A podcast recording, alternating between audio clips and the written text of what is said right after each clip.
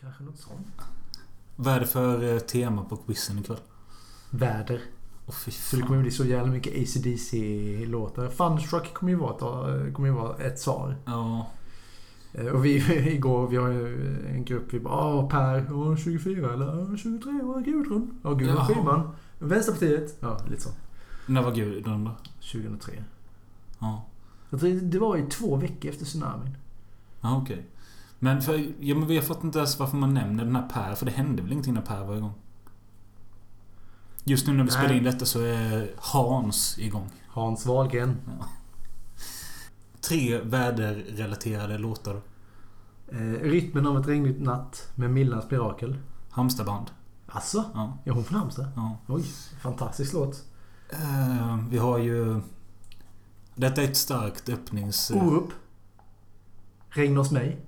Ja, just det. Mycket regn. Eh, Och sen har vi mycket... the, the Weather Girls, It's Raining Man. Ja men det, det hör ju inte här hit. Nej. Det är ju utländskt. Ja, just det. ja. Svenska låtar, ja. Ja, jag tänker på Sol, vind och vatten med Ted Gärdestad. Ja, det är klart. Ehm, Så det är, alltså väderlåtar är ganska... Det är väl lika lätt som att hitta kärlekslåtar. ja, men säg, vi kommer på tre till innan, innan avsnittet börjar. Jaha, har vi en, någon tidtagare eller? Kan du inte sätta på den där spännande låten eh, som är med i denna film vi ska prata om? Den där kvitt eller dubbelt-låten. Din, din, Ja, sätt på den nu. Okej. Ja. En minut på oss. Från och med nu. Fem. Fem helt nya låtar. Nej, okej. Eh, nej, men tre, tre låtar på svenska om väder. Um, Oscar. Eh, Oscar. Det är Oscar i måndags. eh, Det finns ju många låtar. Jag vet inte vilken jag ska välja bara. Shit. moln. Blixt. Blixtar och dunder. Ja, det är inget väder. Nej, Det är mer känsla. Eh, Ah, det finns jättemycket. Ja, men säg en då. Eh, Dilba. Nej, fan. eh, Gyllene Tider måste gjort någonting. Ja, det har de ju. Fan, de går och fiskar ju. Eller den eh, hike-introt. Sommar, sommar och sol. Ja, Fast- men då kan man ju bara sol. Är det väder? Solen Nej. finns ju där. Det är inget väderfenomen. Nej. Det är ju liksom... Det är ju naturkunskap. Ehm, Fan, nu gjorde du bort oss så att det var enkelt. Det var ju skitsvårt. Nu sitter ju alla där. Eller någon kanske. någon där hemma i stugan. Exakt. Som har satt på fel podd. Och blir ihjäl förbannade för den. Första gången de startar podden. Ehm, Nej men okej, men okej. vi- Okej. men något... Det, är snön, det regnar och regnar. Det är någon sån... Ja, det är det ju faktiskt. Lasse Stefans va? Är det inte det? Och sen har vi ju... Vi har ju... Vi kan ju ta hela jävla jul... Alla jullåtar handlar om snö. Nej, Ska vi känna oss besegrade och bara säga så här istället. Ehm, om ni som lyssnat på detta underbara intro har något tips på någon svensk låt om väder, skriv en kommentar. Mig, mig, mig. Sverige! We call them ni, ni, Vem är du? Jörgen G.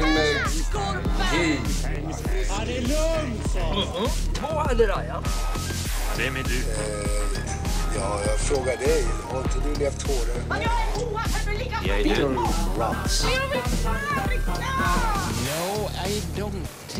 Ta en in i helvete dårskit.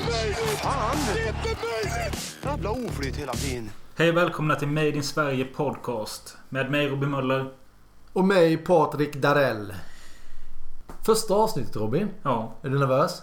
Lite. Ja, men du är lite alltid nervös. Ja, ständigt nervös. Ja, Ja, När du ska laga mat hemma själv. ja då... Mm. Gå till affären. Väldigt nervös. Ja. Jag är alltid beredd med mobilen ifall det skulle komma någon man känner igen. Upp Ja. med den låtsaspraten. Ja. Men när var du ute senast? I stan. Nej men alltså ute, utomhus. Jag gick till brevlådan igår. Men stormen Hans härjar ju och... Eh, Ja, Ja. Du var glad. ja, precis. En anledning att få vara hemma. Ja. Och eremittera sig. Ja, nej, jag gillar inte att lämna min trygga lägenhet. Ehm, Och din filmhylla. nej, precis. Som kommer lite in på varför vi sitter här kanske. Lite kunskap. Onödig kunskap. Ja, det kan man väl säga. Du och jag har ju varit i varandras närvaro i 20 års tid genom gemensamma bekanta. Men har aldrig riktigt velat ta i varandra. Nej, det var en gång för 10-15 år sedan. Där vi, alltså varenda, varenda fylla vi har haft ihop och sånt så har det varit bara Fan vi borde göra något kul, vi borde göra något kreativt. Och jag har ju sysslat med lite sånt med andra personer. Och du har liksom alltid varit sugen på att göra någonting men det, vi har aldrig kommit till skott. Vi har aldrig hittat mitt fack riktigt. Nej, det, det var, det, men det var ju då för typ 15 år sedan när vi skulle... Bara Robin och Patrik skulle umgås själva. Jag vet inte hur många öl du drack innan jag kom. Bara för att Nej, klara jag var ganska nervös. Eh, vi skulle sätta oss och eh, bolla idéer och skriva sketcher som vi skulle då filma. Eh, Lägga ut på YouTube. kvällen. Jag, jag vet att vi skrev ner lite idéer men sen så blev det mest att eh, vi drack och gick ut och Hade en jävla bra kväll. på James Rockbar. Vi festade med rockband från USA va? Warner Drive rätt bra. Ja. Jävla gemytligt och ödmjuka människor. Och vi blev fotograferade av någon amerikansk... Jag kommer till och med ihåg vad hon heter. Stephanie Pick. Just det. Hon var jättesöt. Ja, det var hon väl. eh, hur som helst, eh, den kvällen, eh, de här sketcherna, allting det dog ut. Och sen har vi kommit på varandra lite då och då. Bara ska vi göra något? Ska vi göra något? Och det hände ingenting. Vi har en gemensam nämnare. Vad menar du min kusin? Ja, alltså Nej. jag känner ju din kusin. Ja. Det är ju mer därför jag känner dig. Ja. Jag gillar ju han mer än dig. ja. Men... Nej men eh, den gemensamma nämnaren är väl helt enkelt att vi uppskattar svenska filmer, musik lite mer kanske än vad de flesta gör. Ja, det, ja liksom, man, man märker liksom, nämner jag en... Drar ett citat från en eh, Björn Skifs-film. Och du kan fortsätta på det citatet. Då kommer jag med Johan Ulveson i kommentaren. Ja, men vi har liksom fattat att vi är lite på samma nivå när det kommer till svenska filmer. Lite nördigt så. Ja. Eh, Och en dag fick jag en idé eh, att jag vill bara göra en podd som handlar om svensk kultur. Eh, Och då tänkte jag, vem fan ska jag ha med mig? Jo, Patrik, vi har ändå snackat om det.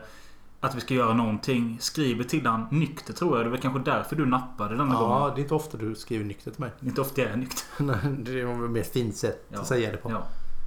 Vi är oroliga Robin. Mm. Nej, och, men jag, jag tyckte det lät skitkul. Jag har alltid... Jag tänker det här med podd. Det är inte många som gör det tänker jag. Nej. Speciellt två vita killar Nej. i 30-årsåldern. Nej. Det, ah, jag tror det här kommer ju bara bli ett självspelande piano. Nej men det är liksom det är en kul grej och jag tror att man... Tanken då med podden är att vi ska ju prata om saker som är gjorda i Sverige. Och då kommer det mest handla om film, tv-serier. Men vi vill också ju gärna syssla med lite med musikämnen och till och med porträtt i Mm. vissa tillfällen. Mm. Men eh, huvudsakligen är att det är liksom det är svenskt och eh, gjort i Sverige helt enkelt. Därav våran podd. Po- Vårat poddnamn. Made in Sverige. Ja. Nej men tanken är väl att vi kör eh, tio avsnitt, En säsong. en säsong och sen ser vi vad som händer. Ja, tycker ni om oss? Kanske ni får en fortsättning? Och tycker ni inte om oss kanske till och med också få en fortsättning. Det beror på hur mycket vi tycker om detta. Ja, precis. Ja. Eh, Som ABBA som har sin femte medlem så har ju vi också en tredje medlem som är lite vad heter det, gömd så att Ja. säga. Eh, och det, vi behövde få in en kvinna som presenterar vårt avsnitt och och lite... På ett seriösare sätt kanske. Ja. Eh, på, lägger lite ribban ändå. på en nivå som inte vi riktigt klarar av att hantera. Både talmässigt och IQ. Precis. Ja. Eh, men det är i alla fall våran vän Ida. Så det är skitschysst att du ställde upp. Och vi, du kanske kan få göra din första presentation nu. ja, om dagens ämne helt enkelt. Varsågod. Det är inte Dannebrogen, det är bara lilla Ida. Fred Åkerström, Karl Pedal och Tage Danielsson var några av de stora namn som lämnade oss år 1985. Det var också då Kikki Danielsson har bra vibrationer i Melodifestivalen men det räcker inte hela vägen i Eurovision. Även om det är Sverige som sätts på kartan efter att programledaren Lill Lindfors tappar kjolen framför miljontals tittare. På bio drar Stig-Helmer och Ole ännu en gång på semester, denna gång till Alperna och åker skidor i snowroller. Och barnen, de får sin dos av trauma när sommarlovsmorgon består av de gubbsjuka solstolarna, där nakna bröst blandas med buskis och sentimentala slages om att bli dumpad. I september blir det inte bättre när Skrotnisse och hans vänner går av stapeln. Men okej, strunt samma. Efter att ha gjort ett par långfilmer och en hel drös musikvideos till ABBA sätter Lasse Hallström oss i en miljö som utspelar sig i slutet av 50-talet där vi får följa unga Ingemars resa genom ett år som kantas av sorger och besvikelser. Men också mycket glädje och nyvunnen vänskap. Så, Följ med genom första avsnittet där vi avhandlar en svensk klassiker och Lasse Hallströms biljett till Hollywood. Filmen Mitt liv som hund. Ida! Mitt liv som hund. Mitt liv som hund. Lasse Hellströms. Nej, Ah. förlåt. Jävla Håkan. Tack så mycket Ida. Eh, Patrik, vad är din relation till filmen Mitt liv som hund? Nej, alltså mitt liv som hund. Jag har väl aldrig haft någon riktig relation till den filmen. På nå- alltså, det är, det är en av Sveriges största filmer genom alla tider. Ja. Eh, och Lasse Hallströms genombrott. Ja. Kan man riktiga, riktiga genombrott Ja. internationellt så sett. Ska vi Eh. prata något om något han gjorde innan detta? Ja, det tycker jag väl ändå att vi ska göra. För jag har sett en i alla fall innan. Och det är ju två killar och en tjej. Okej. För han var ju bra polare med eh, Brasse. Brasse Brännström och eh, Magnus Härenstam. Och eh, gjorde en film. Jag, jag tror jag minns filmen hyfsat. Och det är att Brasse och Magnus typ dejtar samma tjej. Ja, Kommer inte ihåg vad hon spelas av. Men eh, har sett en ganska trevlig film. Han gjorde massa. De här en kille och en tjej. Två killar och en tjej. Ska vi gå hem till dig eller var en hem till sitt? Massa relationsfilmer Ja. på 70 och tidigt 80-tal. Ja, det är lite som den amerikanska grejen Det våras för. Ja, jo, Eller? jo, jo, kanske. Ja. Kanske inte samma typ av film men Nej. jag fattar. Jag, du menar konceptet. Ja, konceptet. Nej, men alltså. Jag, jag har nog bara sett bitvis av den. Eh, under min livs... Under, under min livstid. Eh, jag, jag har nog aldrig kollat på filmen. Men Du snackar om mitt liv som hund nu. Ja. Jag rörde till det men... Nej, massa- vår, nej, jag snackar om Det våras för rymden. Ja, precis. Ja. Nej, Mitt liv som hund. Det är eh, den jag pratar om. Och eh, som sagt, den är ju väldigt stor och jag har sett den många gånger. Men jag vet inte om jag har sett den fullt ut någon gång. Förutom den här gången då till det här avsnittet. Jag har ju... Jag har säkert sett den någon gång på TV men detta var en sån som när Expressen körde sina Köp tidningen, lägg till 10 eller 20 spänn så fick man en liten pappficka med en svensk film. Ett tag körde man ju Bondfilmer så du kunde samla alla Bondfilmer Ja. på ryggen. Och, eh, men ett tag var det just svenska filmer i pappfodral. Mitt liv som hund var en utav dem. Då köpte jag den, eller bara pappa, men snälla jag vill ha den. Fick dagen till 15 spänn så fick jag filmen. Och då såg jag den och tyckte den var ganska bra. För, äh, speciellt då för att jag kanske var i Ingmars ålder. Ingemars ålder. Ingem, Ingemar. Eh, och jag, jag gillade det liksom. Se uppväxtskildringar och... Eh, jag, alltid, jag tänker på den som att det är en av Sveriges bästa filmer. Men jag ser inte om den så ofta. Eh, för något år sedan så släpptes den på det amerikanska eller brittiska bolaget eh, Arrow Video. Som ger ut eh, ganska schyssta utgåvor av massvis olika filmer. Jag tyckte det var rätt sjukt att se att vad fan, den svenska Mitt liv som hund. Alltså bland andra jättekända världsfilmer liksom. Och det är då jag liksom fattar att men det här är ju en film som är liksom känd i världen. Ja. Eh, köpte den på Blu-ray, såg den en gång för två, tre år sedan och såg om den nu. Ja, och vi kommer ju säkert komma in på det. Alltså, den här filmen. Eh, att det var Lasse Hallströms genombrott. Eh, och eh, den här gick ju ända in i Oscarsjuryn och hela tjofaderittan. Och nådde världskändisar och det är många som pratar om den än idag. Inte bara i Sverige utan i utlandet. Så att den har ju någonting. Och det är väl lite det vi ska bena ut i. Vad handlar den om då?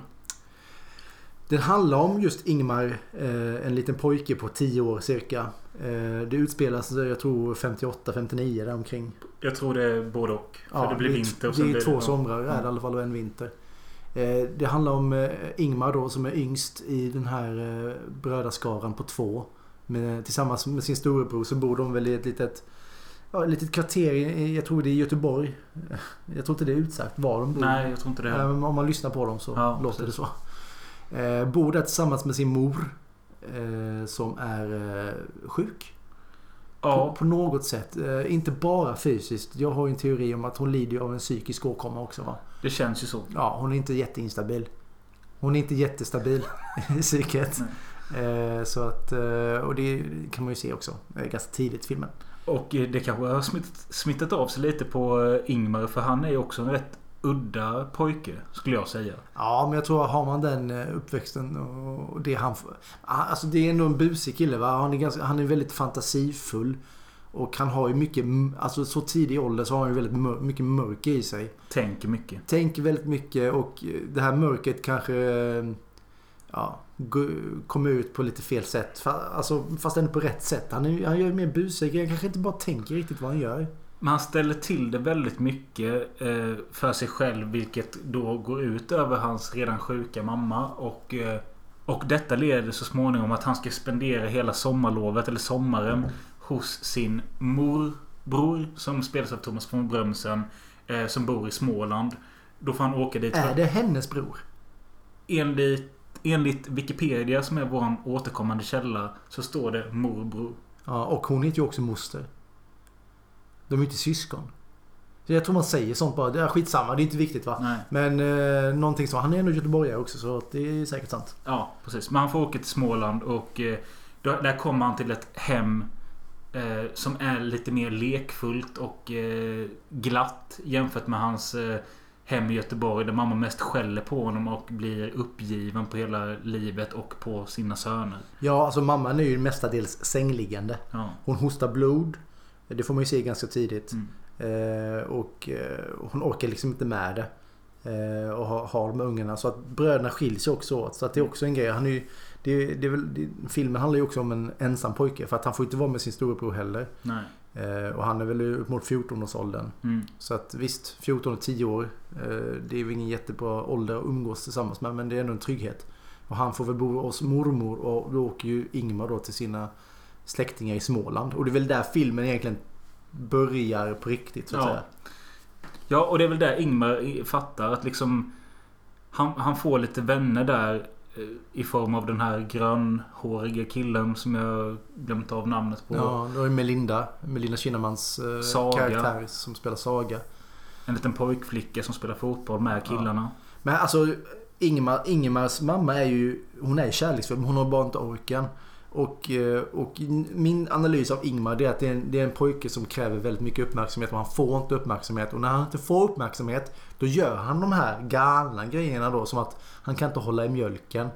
Eh, Det där, jag köper inte riktigt det för jag, jag tror att... eh, det känns ju som att han kan dricka ett glas vatten ordentligt. Men när det kommer till mjölk då måste han slänga det i ansiktet på sig själv. Ja, men den scenen då när morbrorn... eh, Ja, alltså, det är ju lite konstigt egentligen. Thomas von Brömsen har ju egentligen ett förspel med sin fru. Så han leker att han är en hund. Och Ingmar är så ung så han fattar inte det. Ja, men jag kan ju också vara med.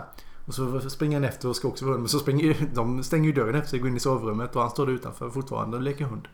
Men så att han, jag tror att han, nej, alltså han vill bara vara med. Alltså det är det som är grejen. Men tror du inte på riktigt att det här med eh, mjölken, det kommer väl något annat i slutet? Eller något senare i filmen med något annat han gör som är konstigt. Jag tror att det är någon form av tics. Alltså liksom att han... För ah, om du tänker efter så är det inte så många som tittar på honom när han gör de här grejerna. Alltså det känns som att han har suttit, hade han suttit själv i rummet hade han gjort exakt likadant. Men det är ju alltid någon i rummet när han gör det.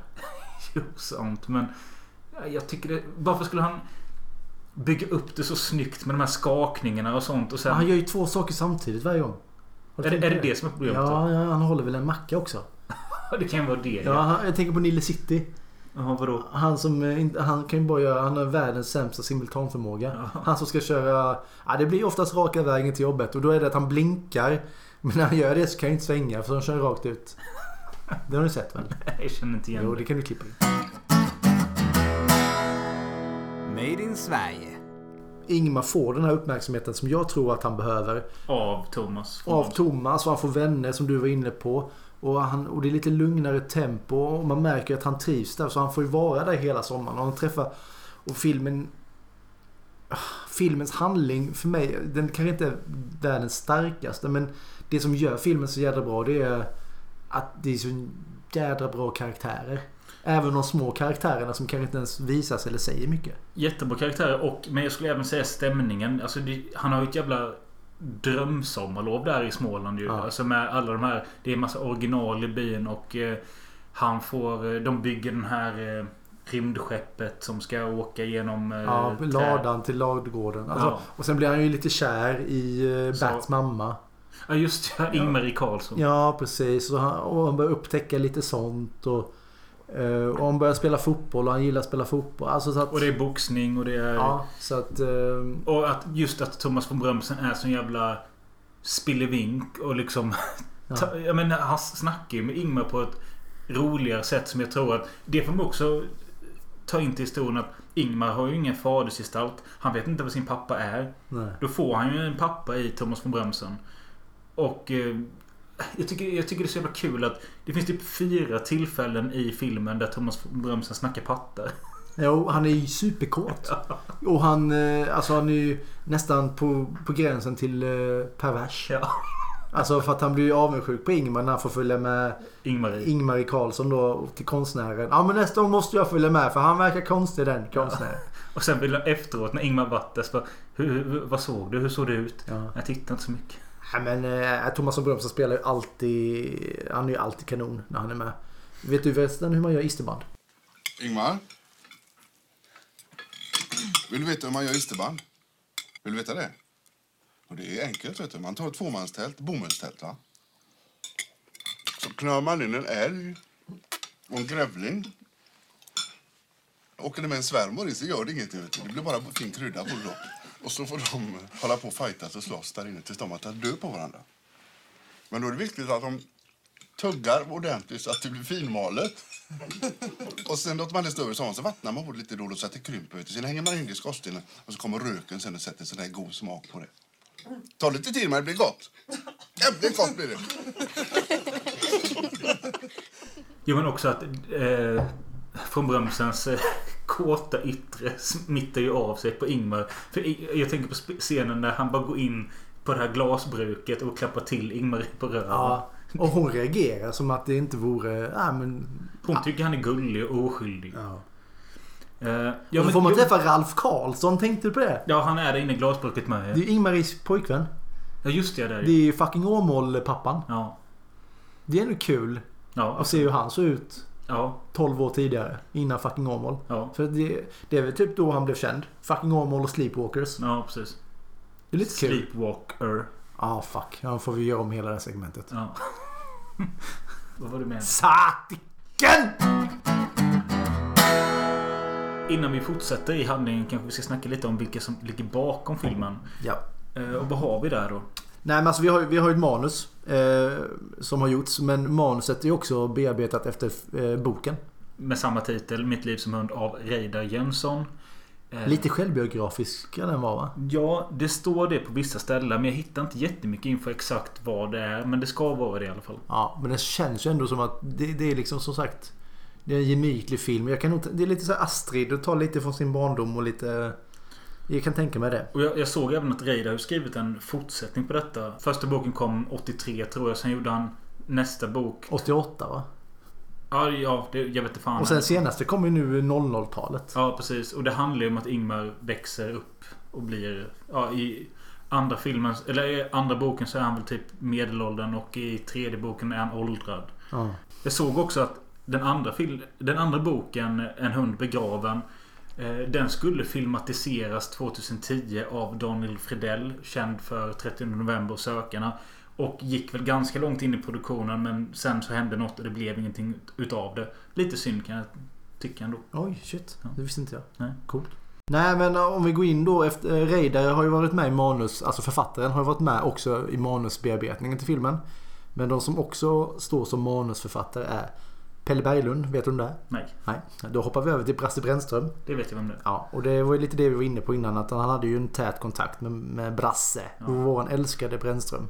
Och alltså, om jag får drömma mig in i hur det här sett, sett, sett ut så är det ju liksom att Brasse och Lasse sitter och dricker och Brasse kommer med någon skön idé.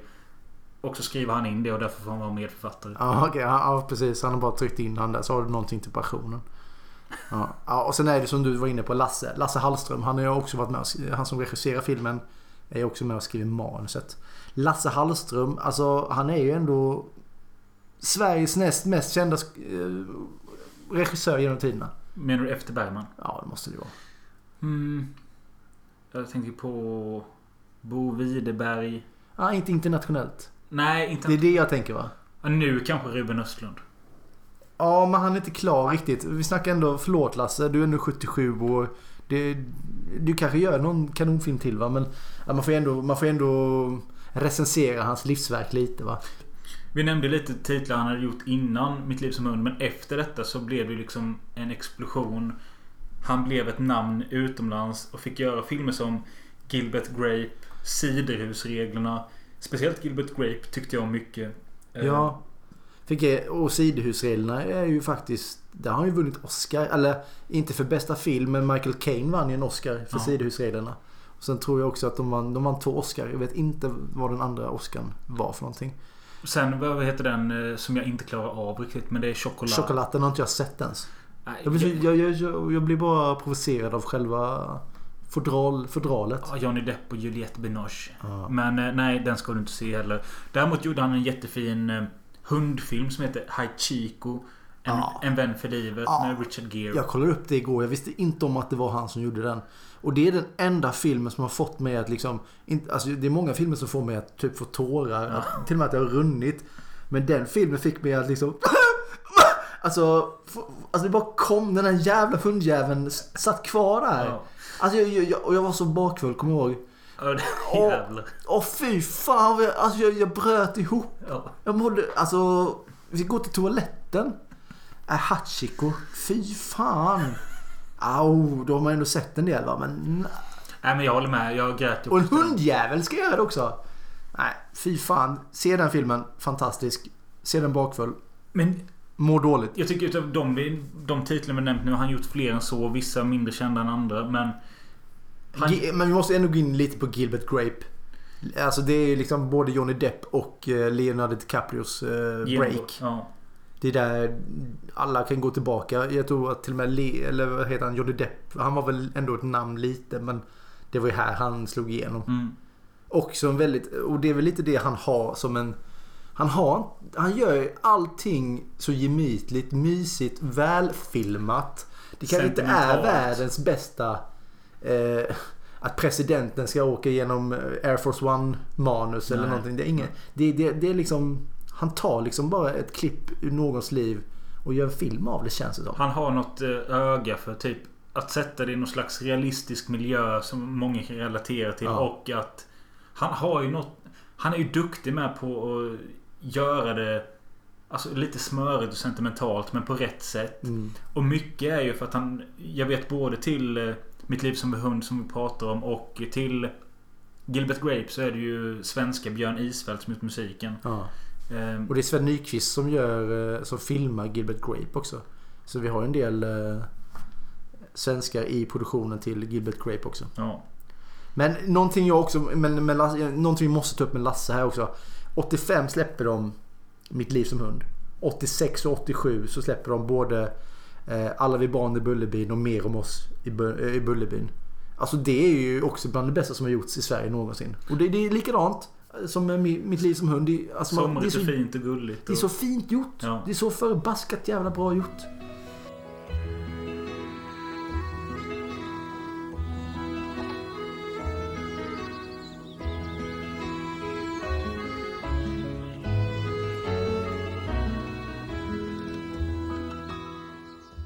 Och eh, bara var det tre, fyra år tidigare så gjorde han ju Tuppen. Och där, där var jag ju lite så när jag såg det här om nu då Mitt liv som hund. Då förväntade jag mig att det ska komma vissa scener eh, som aldrig kom. Men då hade jag ju... För Tuppen har jag sett fler gånger än vad jag sett Mitt liv som hund. Men då förväntade jag mig att de scenerna, att de flöt in, filmerna flöt in i varandra och det är ju lite samma tid. Eh, och det är ju Lasse Hallström. Jag visste inte om att han hade gjort Tuppen nämligen för, förrän igår. Men, men det är någonting med hans film. Om man får låta lite nördig. Filmspråket. Man ser att det är han som har gjort filmen. Ja, jag förstår vad du menar. Ja. Sen vet jag inte om vi ska backa ännu längre bak. För han började tydligen sin karriär med ABBA musikvideos. Ja. Han gjorde väl de flesta tror jag. Ja. Och sen så även att han hade gjort den kända första live-videon, live-konserten med Gyllene Tider som heter Parkliv. Som är en sån klassisk eh, konsertfilm. Så han är vår... Alltså han verkar vara väldigt musikintresserad. Ja. Carola har också gjort någonting med vet jag. Men är han Sveriges svar på Martin Scorsese då? ja, kanske du tänker på Last Waltz och Ja. de här grejerna. Han är väldigt musikintresserad han också. Ja. Och, han, och det är så kul. En, en italiensk-amerikansk regissör börjar med musik och sen går han på maffiafilmerna och en svensk regissör gör ABBA och Gyllene Tider och sen gör han gemytliga amerikanska filmer. Ja. Hitchiko. Hachiko. Ja, det har vi. Vi måste nämna något mer om kompositören Björn Isfält. För enligt mig är han ett litet bortglömt namn som borde höjas upp lite mer. Han ligger bland annat bakom musiken till till exempel En kärlekshistoria som har jättebra musik. Eh, Bröderna Lejonhjärta, Ronja Rövardotter, Black Jack, Änglagård. Eh, och det gjordes... Rasmus på luffen. Jaha, okej. Ja. Eh, det gjordes en Sveriges Radio-dokumentär. Änglagård, förlåt att jag avbryter. Jag, Änglagård jag, det, jag nämnde det. andra sommaren. Eh, Men det ligger en dokumentär på Sveriges Radio. Jag tror det är P2 Dokumentär. Björn Isfält, Sveriges främste filmkompositör. Som handlar om hans... Eh, vad han har skapat och hans sorgligt korta liv. Han dog redan 97 och blev ja, 50 år Ja, jag har det här framför mig. Han blev 54 år. Ja. Tragiskt. Eh, rekommenderar den dokumentären.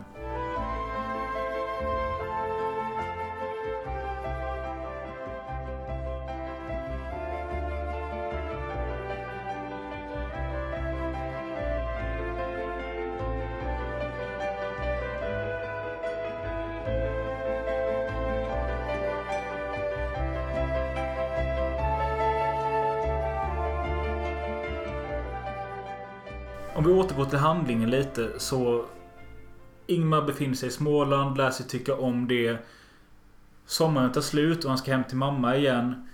Hon har blivit ännu mer sjuk och... Eh, Bli inte klok vad hon är sjuk i. nej, alltså... Ja, det är ju alltid lätt att dra till med cancer. Någon form av lungcancer. Ja, men det är det ju. Nå- Någon form av ja, lungsot. Fan, något sånt. Som sagt, det är 50-tal. Man kan väl dö av det mesta. Ja, men som du var inne på. Hon har ju någon psykisk åkomma också. Det känns ju som att hon har ju svårt... Alltså... Jag tycker inte det är helt skrivet i sten att hon bryr sig om sina barn. Nej, men hon har ju en narcissistisk sida. Det är Ja. det jag menar. Eller en psykopatisk sida. Men ändå är hon väldigt kärleksfull. Ja. Alltså hon, hon är ju ändå glad att se dem. Och, men hon är, hon, är, hon är inte frisk på flera olika sätt. Hon... Eh, nej. Men ja. Vilka, vilka är vi och sätter diagnoser? Men det är ju... Ja. För det, det är som du säger. Man kan ju bli... Man kan bli förvrängd i huvudet och deprimerad över att veta att du kommer dö i en hemsk sjukdom. Men det känns liksom som att hon alltid har varit så här. Men hon överreagerar något överjävulskt. Ja. Och det är inte normalt. Det är hon, och det vet och det sjuka är att de vet ju om att de vill inte göra en uppgiven. Det märker man. Shit, Eller shit, shit. upp, upprörd. Det finns ju till exempel en, eh, en scen när eh, storebrorsan, vad heter han? Nej. Skit i det. Storebrorsan i alla fall. Han gör ju så att Ingmar kissar ner sig. Och då vet ju han om att shit, det här får inte mamma reda på. Mm. För då kommer hon gå hus i helvete. Och sen var det när- då Ingmar sp- spiller ut mjölken och hon ser detta. Då tar hon kisslakanet och torkar upp med det. Ja. Det är inte ett normalt beteende Nej. om man har en fysisk åkomma. Nej. Nej, det är sant. Och när, när eh, Ingmar springer in med Sickan. Ja, Sicken är hans hund. Ja, som är en ganska viktig roll Ja. i den här filmen också. För ja, Det har lite med hans hund att göra då. Som heter Sickan.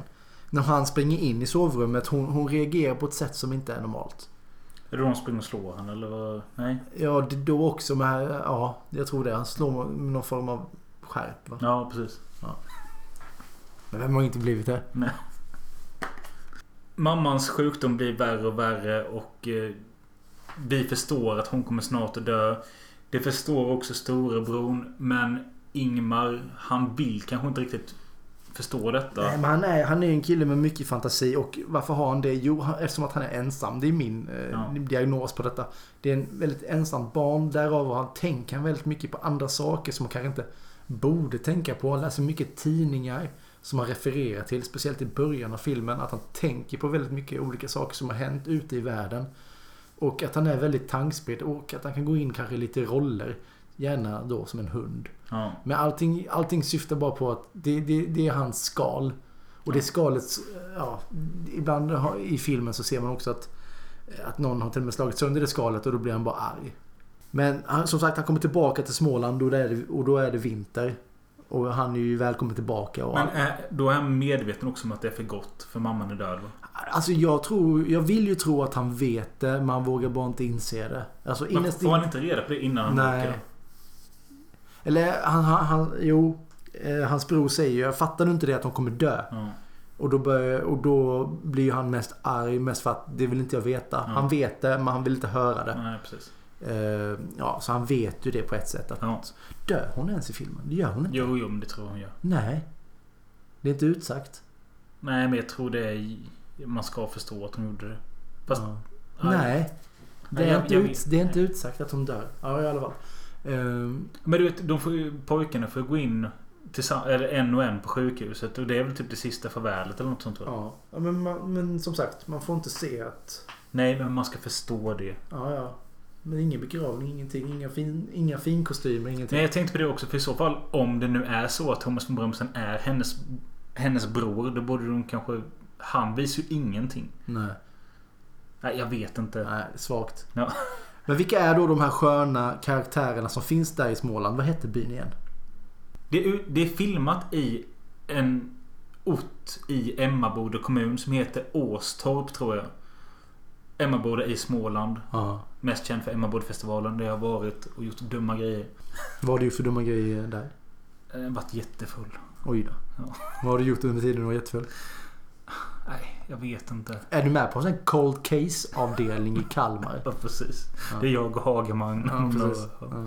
Jag vet ju inte om det utspelar sig i Nej, Åstorp. men det, det, jag tror inte det heller är utsagt. Eh, vad det är nu då. Som det Men det är ju i Småland. Det är i Småland och det hör man väldigt tydligt på vissa personer. Men vi har ju då Gunnar som är Ingmars morbror. Ja. Spelas av Thomas von Brömsen. Ja. Något mer om Thomas von Brömsen? Han har väl inte gjort något mer? Nej, helt okänd. Eh, för mig är det Hebbelille. Ja, Albert och Herbert. Eh, Smurf. Och sen eh, Mannen från Mallorca. Och sen på senaste tiden har han gjort väldigt mycket så här, skön pappa morfar-roller. Eh, tycker att han är mer... Tårtgeneralen. Ja men det är det jag menar. Det är mer så här. Han, han, jag, tycker, han- jag tycker hans eh, kunnande inom skådespelaryrket gör att han borde ha större roller. Jag tänker på den här som jag är så sjukt sugen på att se om. Som vi kanske borde ta till podden någon gång. Den heter Hela härligheten. Är det då han får ligga med hon? Han är Det- oskuld? Han är oskuld ja. Okej. Spoiler, nu sa du att han fick ligga. Okej. Ja, vi får se. Mikael Persbrandt är med i den också Ja, vet i alla fall. Ja, i alla fall. Kiki Rundgren spelar Ulla. Det är Gunnars fru som spelar Thomas von Brömsen. Anke Lidén spelar ju Ingmars mamma. Anke Lidén har ju också varit en sån här... Hon, hon har ju alltid varit med under hela min uppväxt på Vita Lugner tror jag hon till och med hade en roll. Alltså, hon har alltid varit med men hon har aldrig kanske haft den här stora huvudrollen. Hon, hon är ju ett ansikte alla känner igen. Men kanske inte är, hon är ju inte Helena Bergström. Nej, och det många kanske re- vet, men kanske inte alla, att det är ju faktiskt Aviciis mamma. Ja. Eh, Och vad heter han? Tim Bergling. Hette, hette, hette han ja, precis. För han avled ju tyvärr väldigt ung, 28 år gammal. Ja. Sen har vi Joel Kinnamans syster, Melinda Kinnaman. Spelar Saga, hon som gömmer brösten och är bäst i eh, byn på att spela fotboll och boxas. Kul också att på grund av den här karaktären. Alltså visst, hon är liksom en tomboy, en pojkflicka för att hon gillar att hänga med killarna och spela deras fotboll och boxas och sånt. Hon är en hård tjej liksom. Eh, och anledningen till att hon vill gömma sina... Alltså hon har börjat komma in i puberteten, börjat få bröst. Hon vill gömma det, eh, att det inte ska synas för då blir hon kickad från laget. Men på grund av detta så har Wikipedia listat filmen som en HBTQ-film. Och det stör mig lite. Ja. Alltså för fan, någonting mer måste det vara. Men så läste jag på en filmsida som heter Letterboxd. Där jag betygsätter mina filmer. Eh, där det är massa amerikanska kommentarer. Så bara, ja men det är så tydligt att Ingmar är egentligen gay. Och han vill ha Saga för att hon är också gay. Och det är så jävla konstigt. De har övertolkat det helt ja, enkelt. Precis. Man kan ju få vilken film som helst att handla om vad fan som helst. När vi redan är nu på henne. Ska vi säga något om Frank Wagner. Nej, men jag tänkte kanske om nakenheten och det sexuella i filmen. Att hon är så pass ung menar du? Ja, men att ja, men filmen överlag har... Görs det fortfarande? Nej, men det är det jag säger. Att filmen slog utomlands. Jag tror det är lite för att den var... Alltså på det här sättet de visar barn och sexuellt uppvaknande och sånt. Det, har inte gjort, det görs inte på samma sätt i USA. Och då menar jag inte att de visar hennes... Eh, vad fan ska man säga? Innan puberteten bröst. Är detta en teori varför Michael Jackson gillar den här filmen? Kanske. Men alltså, jag menar att Europa, vi säger... De är lite mer chill med att liksom visa det här Mm. än vad USA har varit. För jag såg också väldigt mycket kommentarer att folk tyckte filmen var äcklig och pervers på grund av det här att det är liksom barnporr och sånt. Däremot kan jag också känna med just med Linda Kinnemans karaktär att eh, Alltså jag förstår att det är inte någonting som visas i sexuellt syfte. Men när jag själv sitter och kollar på en 11-12-årig flicka som har börjat få bröst och detta syns i bild. Då, det är ju inte då jag vill att någon ska komma in till mig i rummet. Men, förstår, ja, men på riktigt, förstår du vad jag menar? Ja. Alltså, det känns förbjudet att se på fast det inte är förbjudet. Ja. Vi måste kunna prata om detta. jo, jo, jag är med. Jag, jag förstår exakt vad du Ja. menar. Men det hade varit väldigt suspekt om det var en två minuters scen på YouTube du satt och kollade på. jo, jo, det är sant. Nu sitter du och kollar på långfilmen. Det Ja. är helt okej. Men jag menar... Och det är nog bara i europeiska filmer man kan se detta. Men det tror, är kanske därför också Europa har det här som, som vi europeer kan tycka att de överdriver väldigt mycket om att vi är så jävla öppna med nakenhet. ja, För att eh, när man kollar på så sitcoms från 90-talet. Ja, ja, Europa och de, de har helt annat tänk när det gäller sex. Och Ja. topless är allihopa. precis. eller upp till oktober månad. ja. Så att eh, vi har ett rykte om oss här från andra världsdelar att vi är väldigt öppna sexuellt. Men sen utöver det att de visar... Men, men, men, men bara, det, jag tror mer att det handlar om att visst vi är öppna och vi vågar visa och vi är konstnärliga och vi tar med det i våra filmer och, och allting sånt. Men det kanske också mer att de är lite mer stängda. Ja, ja, Jag tror det har med det att 100%. göra faktiskt. Ja. Det finns ju de här scenerna typ i början av filmen när han är med den här... Vad är de kallas? Lilla blomman va? Lilla... Ja, den där tjejen. Han, han har ju en bästa kompis eh, hemma, hemma vid. För där blir det också på den här nivån som jag tycker är lite märkligt. Att de är el- 10, 11, 12 år. Och hon ber Ingmar Kom och lägg dig nu då. Jag har klätt av mig. Ja. Och han går och lägger sig på henne. Och han vet ju inte vad han ska göra. Han vet inte vad han gör. Alltså, det är mer... För Ingmar är Han vet ju inte ens vad han pratar om. Nej, både, nej. både Melindas karaktär och den här lilla grodan. De vet ju vad de pratar om. Den här lilla De gruppen. vet väl det? Ja, vet ja. Ja. De, alltså, men han bara okej då lägger jag mig med här då. Ja. Hon säger ju det. Ja. Alltså, han är ju väldigt asexuell. Ja, men jag tror det är liksom att man ska tänka in lite med att oftast är det så att eh, tjej, Tjejer, tjejer kommer ja. in i puberteten tidigare och eh, killar lite efter. Och sen så han som är så tankspridd, han vet liksom, alltså, han bryr sig inte ett skit. Likadant då när det finns ju någon scen där Saga säger att du får känna på mina bröst om du vill. Han vill ju inte, han bryr sig liksom inte. Eh, däremot, det går inte riktigt ihop med att han på riktigt är intresserad av Imre Karlssons kropp och bröst. Nej. Det tycker han är häftigt. Ja. Det är lite konstigt eller? Ja, när du säger det så. Men, men då är det... Han vill ha riktiga pattar. ja. Jo men, jo men det är det väl kanske. Ja, ja. Alltså hon, hon är ju kvinna. Eller, jag bara tänkte på en annan grej nu. Är det, Eller mamma. Är, ja, jag tänkte precis säga Mamma. det. Är det mamma där han ser? Ja. Nej men Melin, Melinda Kinnaman eh, Hon har väl gjort... Var inte hon med i Svinalängorna? Eller är det bara jag? Det är nog Rapace. Jo jag vet men var det inte hon som var lebb med henne? Jag har en grej på Melinda och det är Lars Noréns pjäs Personkrets 3 kolon 1. Jag vet inte om man säger 3-1 bara. Som handlar om ett gäng avdankade alkisar och narkomaner som hänger nere i en tunnelbana. Det är fyra timmar långt. De bara gnäller på livet och deras existens. Melinda är en narkoman som kommer dit då och då och snackar lite. Det här är fyra timmar långt dialogdrivet helvete som är grymt skrivet och underhållande. Det ligger på öppet arkiv. Melinda är jättebra och det är alla andra också. Peter Andersson, Göran Ragnestam, Thomas Hansson. Alla är där. Snyggt. Men Vi har, vi har ju en, eller kan man säga, ung Lennart Hjulström för en gångs skull. Han, han, han, han, han har väl breakat under 90-talet och framåt egentligen. Det är då man känner igen hans ansikte. ja, Det är han som spelar konstnären helt enkelt i Mitt liv som hund. Ja, som ska måla av Ingmarie Carlssons nakna, nakna kropp för att hon ska bli en... eh, Staty på Kalmars torg. Ja, Som de Precis. inte sen vill ha. Nej. Men eh, vad, vad, vad är Lennart Hjulström mest känd för? Som Mr... Ja, det är i alla fall duschscenen med Gunvald. Eh, Lennart Hjulström kommer alltid vara mest känd som Mr Moneyman i Beck. och för att han är far till en jävla hitmakare. Ja. Q.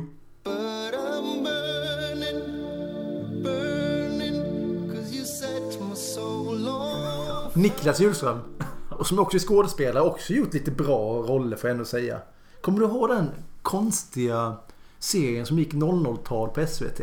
Det var två olika sidor. En mörk och en ljus sida. Svarta skallar, vita nätter. Nej, Det finns det en som heter det. Ja. Nudlar och 08. nej. Nej. Den heter så mycket som... Eh, Radioskugga. den, är, den, den var så jävla bra gjord. Eh, men den... Den... Jag vet fan vad som hände. De drabbade. Den drabbade. Fan vad bra. Han gjorde ju den De drabbade. Då var han med i den. Alltså den var så förbaskat jävla bra gjord. Men sen drog de ut på det och det, jag, jag kunde inte se klart den. Men fasen vad bra den var. De drabbade från 2003. Av Måns Mårlind och Björn Rosenfeldt. Måns Mårlind är ju skapare till Spung. Ja, och Spung älskar vi. Ja. Också gjort Känn ingen sorg. Eh, ja, vi kanske inte ska dra alla här. Vi snackade lite Men om... vi kan ta något mer. Vi har nämnt hennes namn bara. Ingmarie Karlsson. Ja. Du, vad, vad, du tog det som Bats eh, mamma. Ja, det, hon är ju Bats mamma. Men för mig är hon ju Mimmi Reine och Mimmi. I Nej, Tre Kronor. Kronor ja. Ja. ja. Eller Reine och Mimifjällen. Ja. Ja. Men hon är ju också en sån. Och sen är hon en sån som har dykt upp eh, senaste tiden är hon väl en, en av Beck-ensemblen. Absolut. Ja. Ja men det är också hon som eh, i... Jag trodde Lucian skulle vara oskuld Just det. i Black Jack. ja, precis. Sandbormbon, en liten by förutan gata. Den ligger inte långt från Made in Sverige. Om vi, ska, om vi ska prata om lite favoritscener och annat så... Ja, den börjar ju ändå ganska starkt med eh, den här när Ingmars bror tvingar han att sätta in snoppen i en eh, glasflaska. Ja. Och Han har, han, brorsan där har ju en liten sexualundervisning för de andra ungarna i kvarteret. Ja, och sen eh, tycker han nej jag kan inte visa med ett finger, jag måste ha en riktig penis. Ja. Och då väljer då han sin lillebror. Väljer, ja. Ingmar går, har ju inte direkt något val känns det som. Eller Ingmar gillar ju typ att... Alltså han säger inte emot. Nej, han får vara med. Typ. Ja, så att han, ja vad fan det kan jag göra. Slutar inte, oh, då, då gned jag mig i soffan kan jag säga. Du tycker det är pinsamt? Nej, jag får ont. Ja, Alltså fy ja. fan att fastna i en flaska. Ja, absolut. Ja, usch. Nej men som sagt jag såg ju klart filmen för första gången tror jag någonsin. Det är lite som eh, Pulp Fiction. Har inte heller riktigt sett den filmen förrän ja, nu i somras.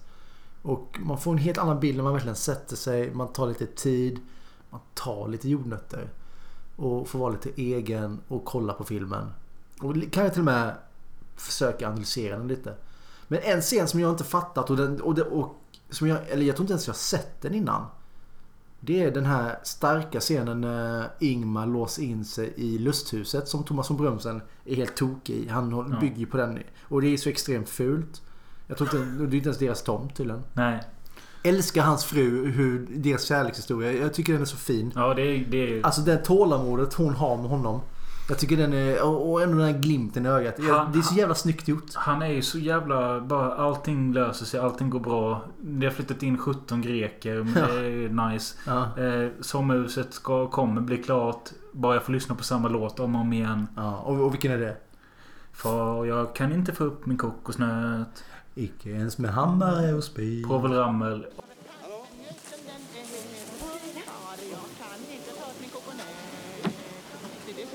Och där ser du, där står jag på akterdäcket. Hon hade varma meloner den du. Oj, oj, oj. Ja. Rio de Janeiro. Vet, man hade det lätt för sig. Fast det var hot, det var. Jag avundas inte din farsa. Det är tungt med bananer. Alltså jag skär halsen av mig om du inte slutar spela den där. Sätt på den från början. Kan inte komma och lägga er nu. Ingmar, du har ju match imorgon. Tänk på det. Ulla, vi bygger. Vi bygger. i helvete kan du vara så dum så du bygger ett hus på en tomt som inte är vår? Hur kan du vara så jävla dum? Älskade Ulla. Detta är ett lusthus. Det är därför det heter lusthus. Lust Ulla! Hus.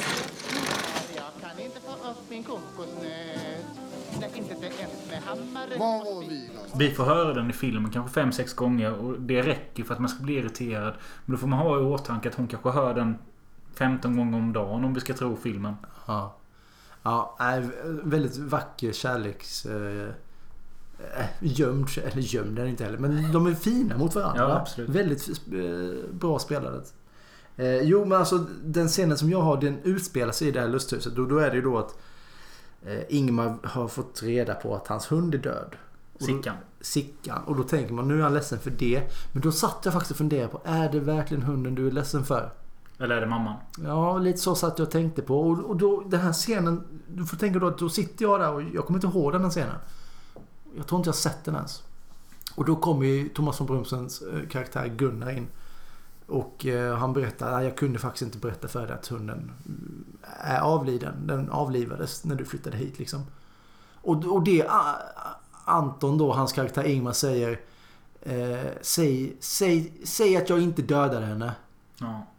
Eh, nej, och det gjorde du inte. Och det han säger så här, jag tycker jag börjar grina. Men det, det måste, då måste han syfta på sin mamma. ju. Han syftar ju bara på sin mamma och det är det jag har tänkt hela tiden. Det här med hund, det är bara någonting att gömmas till. Mm. Men, och Sickan, visst den, den, är, den är viktig för Ingmar. Men det är ju hans mamma hela tiden. Det är, jag märker det att han använder ju hunden för att få uppmärksamhet. Eller när han väl springer in. Det finns en scen. Så han springer in i slow motion under mammas eh, säng. Ja. Och då, det är som att han hunden ska komma före för att då kan han i alla fall skylla på hunden. Det är därför. Men han vill ju bara vara nära sin mamma. Det är därför han använder hunden. Så han är inte ledsen för sin mamma. Han säger Mamma varför vill du inte ha mig? Ja, det är så jävla hemskt. Alltså jag... jag, jag Hjärtskärande. Alltså jag fick spela tillbaka för det var, det var som en jävla kniv i hjärtat på Ja. mig när han sa det. Och jag blev så jävla... Jag blev så ledsen. Ja. Jag blev så jädra ledsen. Och han spelar förbaskat bra där. Ja, och, man, och det är så mm, jävla ärligt. Och man bara känner bara oh my god.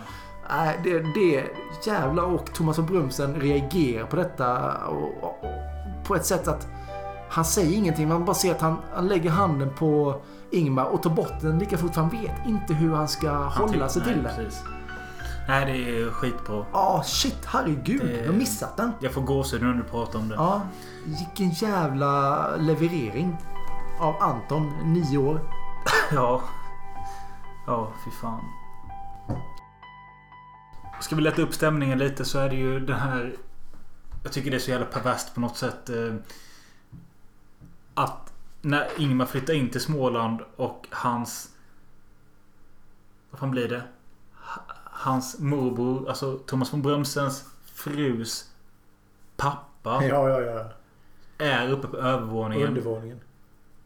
Ja. Är det inte undervåningen? Han, han går väl upp för det är bank... Ja, kanske över undervåningen. Skitsamma. Han är en gammal döende gubbe som ber Ingmar komma in till sovrummet för att läsa ur en klädeskatalog Ja. om hur eh, bhs och trosor sys och sätts på kvinnor typ. Och det är liksom hans runkdagbok. Ingmar fattar inte vad han läser. Gubben ligger och njuter. Det är något som är... Alltså det, det är kul, fint och lä- läskigt. Ja, det är någonting med det. Och sen då att när gubben senare dör så ska Ingmar sova i den runksängen. Ja, okej. Nej men du vet det, eh, För hon säger ju det att eh, när de inte får plats på grund av grekerna så får han sova istället, istället hos tanten. Ja. Och det är ju hans gamla säng man flyttat dit som Ingmar ska ligga i. Ja. Och det är då han börjar leta efter den här tidningen. Jaha, just det. Eller någon, någon torkad handduk. Ja, men det är då jag börjar fundera. Vadå har Ingmar kanske kommit in i puberteten nu och fått ett sexuellt uppvaknande? Varför skulle han annars vara intresserad av att leta efter den här tidningen? Men jag tror att det är det att... Det kanske är det just det. Man får följa en pojke i, i, med en sjuk mamma. Men just i en tid där han fattar någonting också. Ja. För den är väldigt, den är ju väldigt sensuellt anspelad. Men det, det är en typisk... Alltså det amerikanska ordet är coming of age. Och det är liksom en uppväxtskildring där du upptäcker liksom... Det gränsen mellan barndom till ungdom till vuxenliv. Sexuella uppvaknanden och sånt. Den har ju allt detta. Ja. Och det späs ju på av Thomas von Brömsens ständiga kommentarer till Ingmar. Liksom Hur var melonerna? Kolla de här melonerna. Och, ja, Ja, men han är ändå berest va? Han visar ju lite bilder. Hon hade fina meloner den du. För, första gången eh, när Ingmar får träffa Ingmar Karlssons karaktär. Då säger Thomas von Brömsen Där sitter fan brösten av Tommy fan på rätt ställe. Ja, han är lite tuttsugen. Ja. Det är ju så att Ingmar fattar ju ingenting. Jo men lite så ibland. Ja, Ja. men Ja. Han är disträ. Ja, han har absolut. tankarna på annat ställe och han är väldigt impulsiv. Eh, Saga vet. Hon är kär i Ingmar. Det är hon ju. Ja. Eh, och när hon inte får känslorna besvarade så blir hon mer aggressiv och elak Mm. eh, mot Ingmar. Så finns det ju också en annan tjej som fattar tycke för Ingmar i klassen och det här märker ju Saga och, hon, och Ingmar blir ju inbjuden på fest hos henne. Den här nya tjejen då som finns i deras klass. Och då heter det tydligen Hippa. Det hette det förr. Ja. Det var, kommer du ihåg det när man var yngre? När man eh, inte... Eh, när man ringde till varandra. Hej. Ska vi vara? Ska vi Nej, leka? nej. Är Jesper där? Ja. Ja, det är han. Ja, hej Jesper, ska vi leka? Och sen var det någonting, det är nog den här åldern, 10-11. Bara shit, man kan inte säga, du, säger du leka fortfarande? Ja, det gör man inte längre. Nu, nu måste man vara. Jaha. Och då, då ringde man exakt samma samtal, exakt samma grejer. Man skulle göra exakt samma grejer. Men man fick inte säga leka längre. Hej, ska vi vara idag? Kommer du ihåg det? Ja, ja absolut. Det är också den. Absolut. Men jag tänker, när jag tänker tillbaka på det, det låter ju så jävla löjligt. Ska vi vara? Vad fan ska vi vara för något? Nej, man gjorde ju typ Ja, samma men sak. ibland kan det vara så bara, ska vi vara... Nej, idag ska jag vara med Patrik. Så det går inte. Nej. Nej. Och sen började det här politiska mind games också bland kompisar. Nej, jag får bara ta in tre. Ja. Ja, den klassikern. Dock var jag ju alltid den som aldrig fick komma in då. Johnny Sjöqvist ja. Du, du gjorde såna burkar som du hade i filmen till dig själv. Mm. Ska vi vara? Springer du? Nej. Exakt. Men det, det är ju kul i den scenen med att den här tjejen är så intresserad av Ingmar. Och han... Han är ju mest inne... Eller... Det finns ju en bild när hon sitter på hennes säng i hennes rum. Och han bara tvångsäter korv. Ja, och han bara säger att jag, han, är inte ens, han är inte ens med. Hon är ju jätteintresserad. Och han bara, ja men det är väl så här man gör kanske. Ja. Och så kommer Saga in. Ja. Det blir konflikt. Ja. Ja, inte så jävla. Men alltså just den bilden att han bara, alltså det, det, det är en bild av honom att han vet riktigt, inte riktigt vad detta är för något tror jag. Han är ju varken intresserad eller att han förstår vad som pågår. Typ att... Jag, jag, tror inte att han är intresserad av... Eller jag tror inte att han förstår att det finns ett kärleksintresse från den här tjejen. Nej, jag är inne på din eh, teori när du, när du väl sa den så höll jag med dig på en gång. Det är alltså Ingmarie Karlssons karaktär i så fall. En kvinna, alltså en kvinnliga, for, kvinnliga former. Mm. Och därav någon form av Freud, mammabild. Mm. Eh, som jag tror egentligen, nu är jag inne på det igen va, men det är det hela filmen handlar om helt enkelt. Mm. En, en, avsak, en saknad för en mamma som är frisk. Mm. Och en älskvärd mamma. Och hon verkar vara väldigt älskvärd men det är bara det att hon, hon eh, kan bara inte förmå sig helt enkelt. Nej. Vad hände sen? Filmen mottogs ganska bra och vann Guldbagge för bästa film 1985 och Anton Glanzelius blev den yngsta att ta, ta emot Guldbaggen för bästa skådis i en huvudroll. Mm. Eh, 12 år gammal. Ja. När han fick priset. Och det, detta... Vad fick du med? Vad, vad, vad var det andra priset? Nej, det var bästa film och bästa okej. huvudroll. Det är bara jag som inte lyssnar. Ja. Men sen så går det... Detta är 85. Eller 86, det är alltid året efter. Men på grund av detta så blir det lite hype runt om i världen. Sen så kommer den till USA 87. Och 88 på Oscarsgalan, då blir den Oscarsnominerad. Det är för fan tre år efter Sverige. Det är ändå rätt sjukt tycker Ja. jag. Och då blir den eh, nominerad för bästa film och för bästa manus efter en förlaga eftersom den bygger på en bok. Bästa utländska film.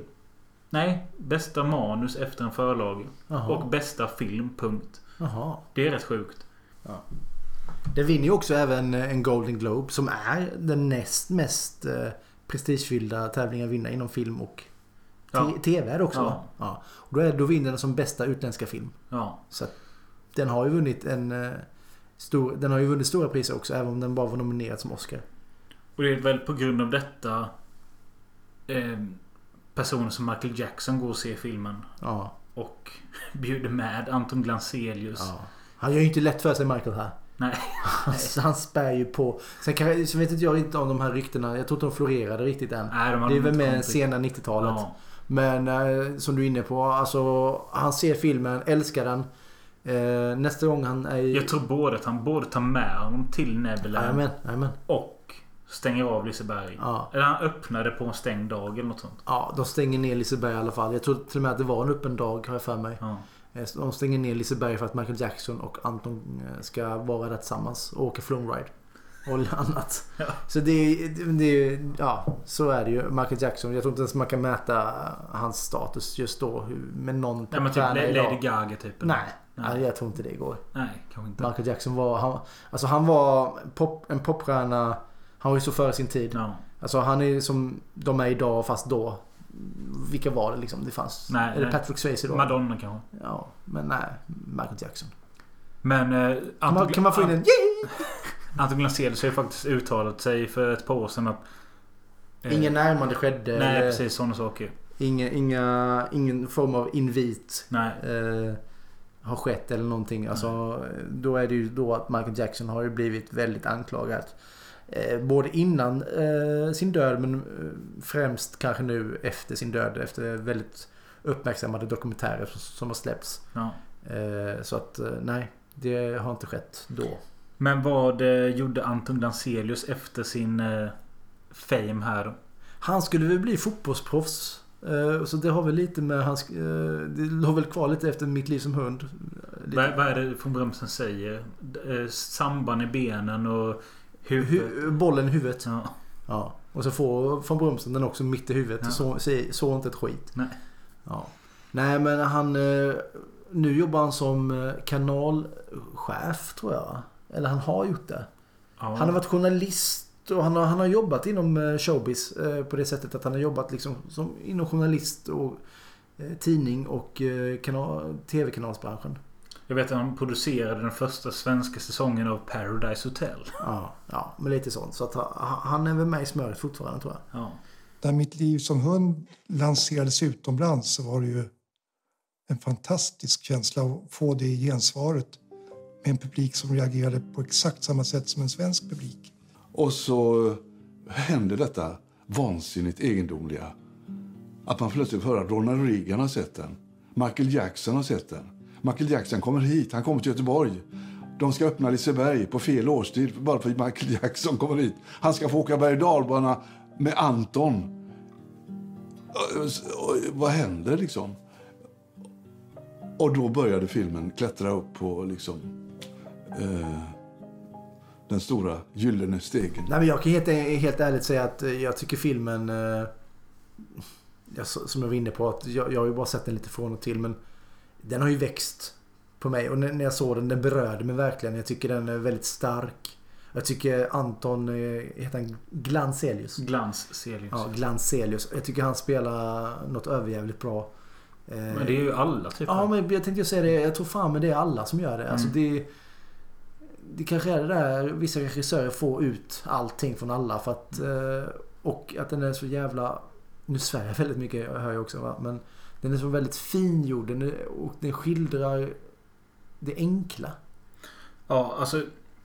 Det är väl något som vi var inne på. att Det, det Lasse Hallström gör bra, det är att han kan göra varma filmer. Alltså, det är fint och varmt Ja. känner jag. Alltså, det är en bra balans mellan humor och sorgliga scener.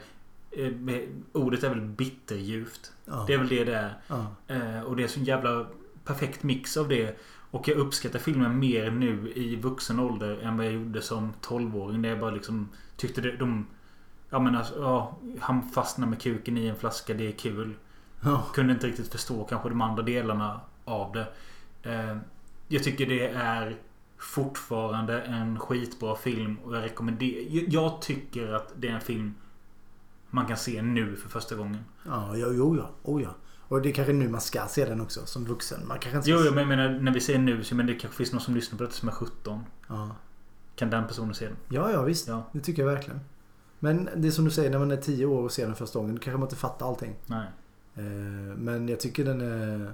Nej, Kanonfilm. Och, och jag har väl alltid stört mig lite på varför snackar alla om mitt liv som hund hela tiden? Alltså när man växte upp och allting. Och det här ska man se och det här är en stor film. Men man kanske inte fattade riktigt då. För den, ja, men den var ju tråkig. Det var massor på landet och... Någon Ja, det- det är också någonting jag uppskattar mer nu. Jag älskar ju att det är ute i Småland. Ja. Det, jag tycker det är asgött. Hellre det än Stockholm eller storstan. Alltså, Ja. Och det är kanske är det de vill visa också att... eh, nej, jag vet inte. Hur som helst. Eh, detta var vårt första avsnitt av Med i Sverige Podcast. Första avsnittet Robin. Ja. Det är ändå starkt att vi tog oss igenom det. Ja, det var kämpigt men vi gjorde det. Och... Eh, Vad fan ska vi gå ut på då? någon god låt. Nå någonting med hund? Hmm. Vad har vi där? Who let the dogs out? Nej. Nej, det måste vara svenskt. Det måste vara en svensk. Vi har ju eh, Bob Hund. Ja, det kanske funkar. Eh, eller... Är det den som går nu? Hör, hör du inte? Hunden som log. Ja. Den är bra. Ja.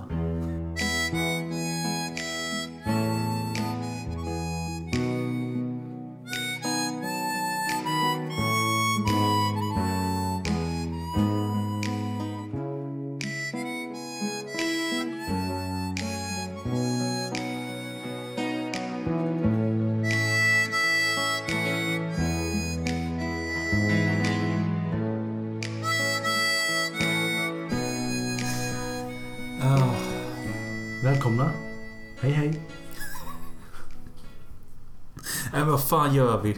Ska det ska vara så här? Där har du ju snacket. Ska det vara så här?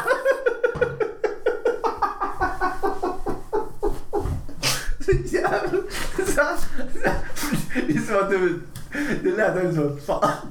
Du var ett geni och bara så tar du hit mig för det första du hörde ju bara mig att retarderad. Du bara vad ska det vara så här i tio avsnitt? Vad fan har jag gjort? Mitt bästa. Jag har kokat upp för här. Ska det vara så här?